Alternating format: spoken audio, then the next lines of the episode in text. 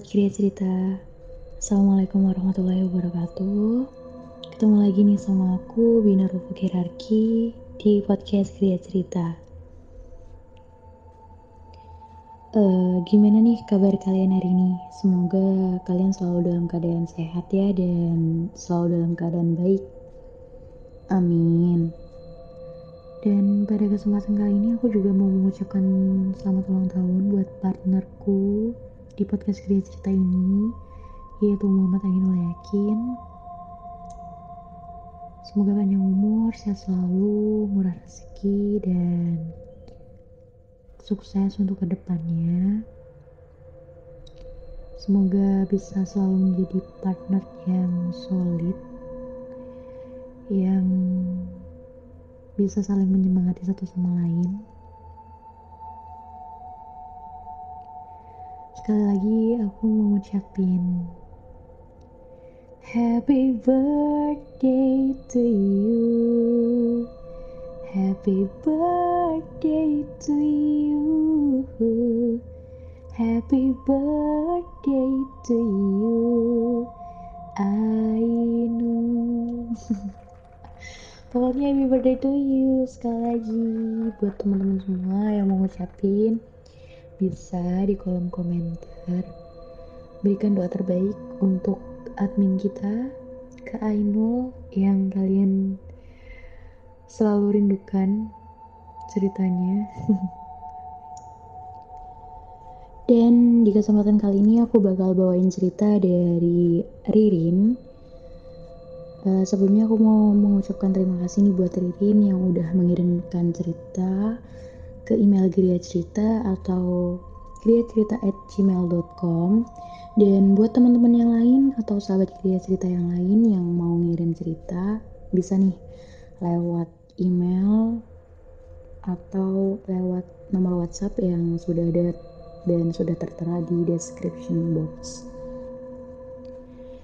Uh, nah, oke okay, di kesempatan kali ini kita langsung aja bacain cerita dari Ririn.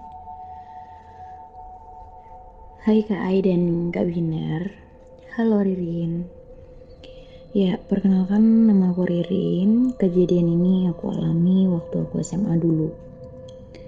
Malam itu aku ada kerja kelompok bareng keempat temenku Sebut aja mereka Vita, Resti, Mirna, dan Fozia. Dan malam itu kami mengerjakan tugas kelompok di rumah Fauziah. Sebenarnya aku males kalau harus ke rumah Fauziah malam-malam. Karena dari rumahku ke rumah Fauziah itu harus melewati pemakaman yang cukup luas. Dan di antara ketiga orang temanku itu, rumahku yang paling jauh. Malam itu, sekitar habis isa, aku berangkat ke rumah Fauziah Aku minta diantar Vino, adik laki-lakiku. Tapi sialnya, dia nggak mau mengantarku malah ngeledek aku. Merasa tertantang karena ejekan-ejekan yang dilontarkan sama Vino, akhirnya walaupun takut aku berangkat sendirian. Gak ada hal horor apa pun yang ku alami waktu aku berangkat. Walaupun aku berangkat naik sepeda, tapi karena hari masih sore baru habis isa jadi masih banyak kendaraan lain yang berpapasan atau searah denganku.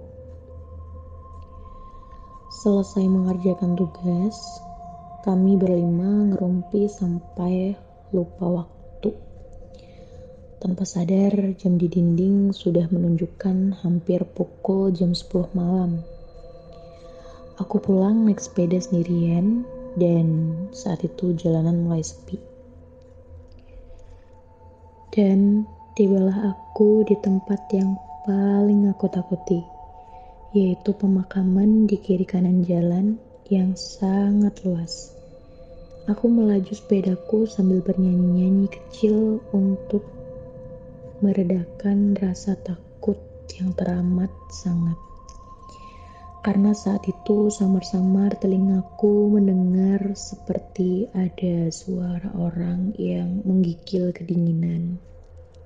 Dan sialnya, saat aku lagi melaju, sepeda rantai uh, sepedaku rantainya terlepas.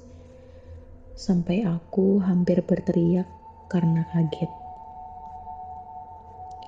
Aku turun dari sepedaku dengan sekujur tubuhku yang sangat gemetar karena rasa takut aku hampir tak tertahankan lagi. Aku menunduk berniat membetulkan rantai sepedaku. Suara yang seperti menggigil itu semakin jelas aku dengar.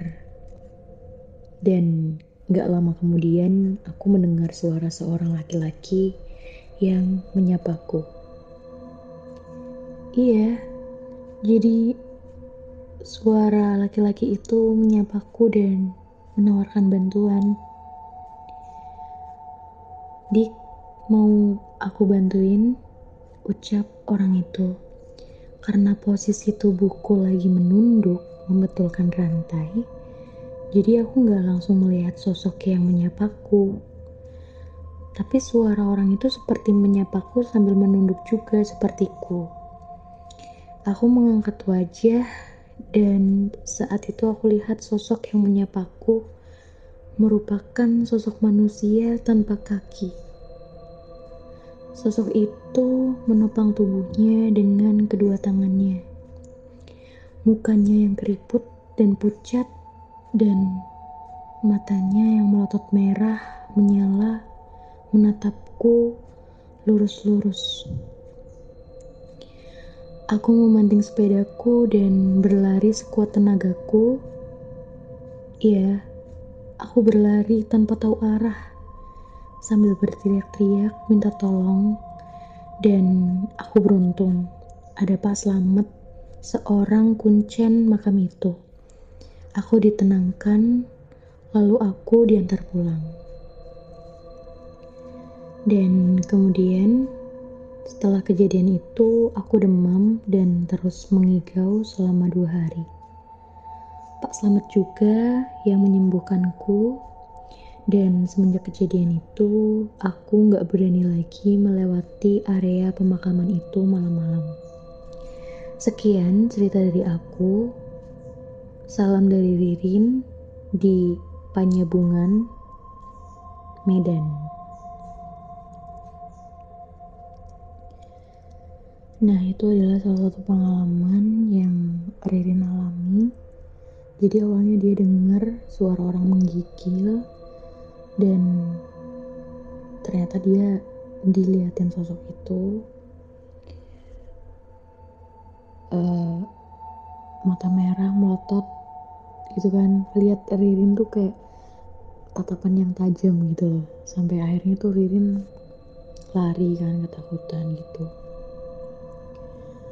dan mungkin ada beberapa orang yang mengalami hal yang sama kayak gitu termasuk aku ya. Jadi aku tuh dulu pernah ngalamin dengar suara orang menggigil kayak gitu. Tapi alhamdulillah sih aku nggak sampai yang diliatin kayak Ririn gitu ya.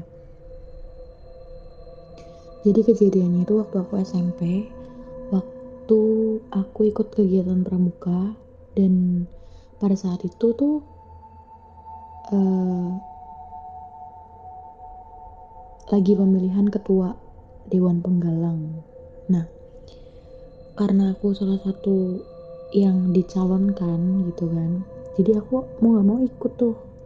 Yang namanya uh, jejak malam. Kayak ya jejak malam bisa dibilang jejak malam sih. Gitu karena kan uh, seorang ketua tuh harus pemberani katanya gitu-gitu kan gitu kan. Apalagi di pramuka kan harus berani tanggung jawab dan lain sebagainya. Terus akhirnya jalanlah kita para para calon ketua itu satu baris tapi dengan jarak yang cukup uh, apa ya cukup cukup lebar cukup jauh nah cukup jauh. Karena kita misalkan si A B C gitu kan dapat satu baris gitu dan si A jalan duluan. Kemudian kalau misalkan udah kurang lebih 50 meter nanti si B lanjut jalan. Kurang lebih uh, eh, 50 meter sudah jalan si B nanti si C jalan kayak gitu. Nah pada saat itu aku jalan tuh di tengah-tengah hutan. Dibilang hutan ya bukan hutan tapi dibilang bukan hutan kanan kirinya tuh pohon-pohon sama rumput yang udah tinggi-tinggi gitu loh. Jadi kayak semak-semak tinggi gitu dan itu tuh cuman jalan setapak doang gitu. Yang cuman bisa dilewatin satu orang aja gitu.